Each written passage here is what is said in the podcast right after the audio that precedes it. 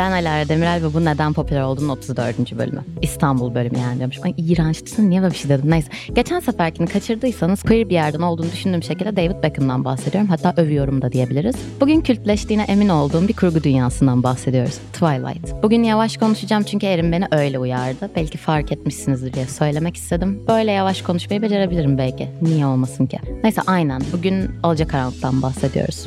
Kitaplarının dünya genelinde toplamda 100 milyon üzerinde kopya sattığı, uyarlanan 5 filmin toplamda milyarlarca dolar hasılat elde ettiği bir kurgusal dünya burası. Sadece ilk filmin dünya çapında yaklaşık 400 milyon dolar hasılat yaptığını öğrenince birazcık sinirim bozuldu. Erim de bana şu an böyle bir öyle mi diye baktı. Mesela ben ilk filmin çıktığı zamanları hatırlıyorum tabii ki. Çünkü bildiğiniz üzere çok yaşlı bir insanım ve çok uzun zamandır yaşıyorum. Şahsen en az 4 kere vizyonda izlediğime eminim mesela. Yani dolayısıyla o 400 milyonun hasılatının bir kısmı benden geldi diye gurur da duyuyorum yani. İşte bugünün konusu genç yetişkin jarının bir tanesi. Bana Edward'dan mı hoşlanıyorum Bella'dan mı diye bin bir kere düşündürten fanfiction dünyasına girişimi hızlandıran o fenomen, o film, o sonbahar filmi. Dolayısıyla soruyorum. Twilight neden popüler oldu ve Alara acaba daha yavaş konuşmayı becerebilecek mi?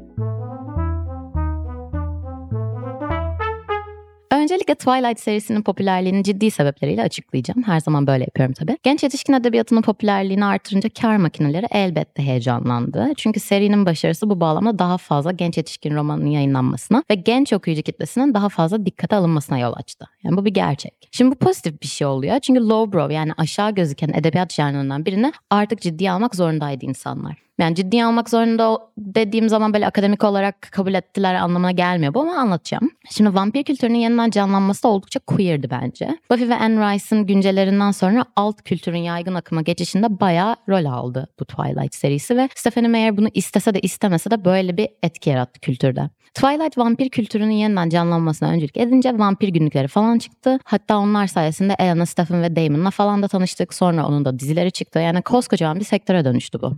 Ayrıca serinin romantik ilişkiler odağı ve aşk temalarına getirdiği odaklanış, internette yüz küsür yaşında bir vampirin genç bir kızla yaşadığı ilişkinin sağlıklılığı derken yine lowbrow gözüken bir edebiyat janrının gerek parodi filmleri gerek medya temsilleri olsun herkesin zamanını aldığını görebildik. Yani madem o kadar dalga geçilesiydi bütün bunlar neden hala bunu tartışıyoruz ki? O kadar ezik olsa umursamazdık ve unuturduk herhalde. Ayrıca Kim Bella'nın bu ilişkide kalıp kalmaması gerektiğini sorgularken kendi toksik ilişkilenme ağlarını irdelemedi ki acaba? Sen neden Edward'dan hoşlanıyorduk? Ben lezbiyenim neden Edward'dan hoşlanıyorduk? Hoşlanıyordum.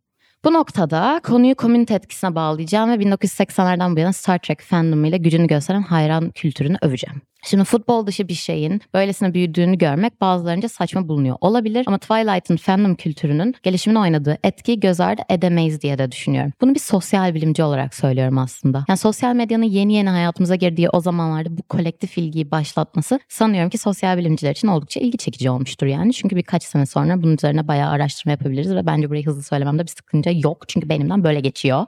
Yani Tim Edward mı Tim Jacob mı kavgasına girmeyen oldu mu acaba? Ben bunu merak ediyorum ve ben kesinlikle Tim Bella'yım yani bunu söylemek isterim. İlk film çıkmadan önce sanıyorum 2008 olacak. E-News'ta yönetmenin verdiği röportajları hatırlıyorum. Esasen bağımsız bir film olarak çıktığını, dolayısıyla genç oyuncuların no name'lini yani daha önce eleştirmenlerce kabul gören bir rolde oynamayışlığının keyifli olduğunu hatırlıyorum. Meme kültürünün yaygınlaşmasından hemen önce kolektif olarak gayet de mizojinist alt tonlarıyla dalga geçtiğimiz bu seri illa yalnızca yazarın kalemini veya kurgularını övmüyor bence. Çünkü Stephanie Meyer hakkında çok çok güzel şeyler hatırlamıyorum. Yani gayet de temsil sağlandığında ikincil görülen konuların nedenli bizleri insanları etkileyebileceğini vurguluyor bence. Twilight serisi genç yetişkin edebiyatını, vampir kurgusunu ve romantizmi derinlemesine etkiledi ve kültürel bir fenomen haline geldi, diyor ChatGPT.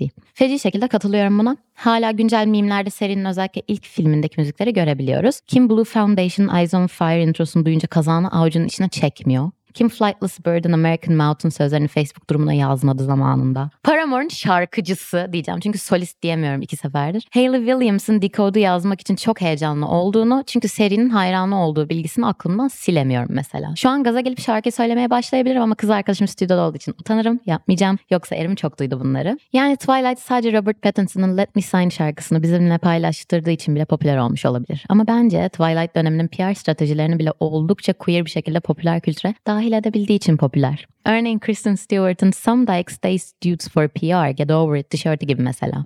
Çeviriyorum şey diyor. Bazı lezbiyenler PR için erkeklerle çıkıyor. O kadar da büyütecek bir şey yok. Yani kimse bence Twilight'ın başarısını Edward ve Bella'nın yani Kristen Stewart ve Robert Pattinson'ın çıkmasına bağlayamaz. O kadar basit bir şey olduğunu düşünmüyorum. O zaman ayrıldıklarında biterdi herhalde bu. Yani çünkü eğer başarısının tek sebebi bu olsaydı o zaman bu ilişkinin yalan olduğunu bile bile nasıl her seferinde o buzlu yazıyı görmekten bu kadar heyecanlanabiliyoruz ki? Twilight popüler oldu çünkü kapital sahipleri genç kız romanları olarak gördükleri yapımların bu kadar başarılı olacağını tahmin edemedi ve hakikaten işi üreticilere bıraktığında yakalanan ruhunu oluşturduğu kolektif başarıyı gördü. Sonra Hollywood daha fazla işin içine girdi çünkü kapitalistler böyle yapar ve ilk filmdeki queerlikten geriye pek bir şey kalmadı ama sanıyorum bu durumdan çok fazla şey çıkartabiliriz. Ben hiç Jacob'dan hoşlanmadım. Tipimiz çok benziyor diye olabilir bilmiyorum. Şu an tipimi seviyorum. Ergenken çok öyle değildi. Bana inanılmaz siset enerjisi veriyordu ve aynı anda hem Edward hem Bella'dan hoşlanmak daha dolabından çıkmamış bir lezbiyen için güvenli bir alandı belli ki. Ama Jacob da iyi biri. Sadece imprint edilmeseydi belki Bella'nın çocuğuna daha iyi olurdu ama Jacob okey biri öyle düşünüyorum. Şimdi bu sefer ilk defa kapanış yaparken önümüzdeki bölümü söyleyeceğim çünkü biraz heyecanlandırmak istiyorum. Önümüzdeki hafta Girl Dinner bölümünde görüşürüz.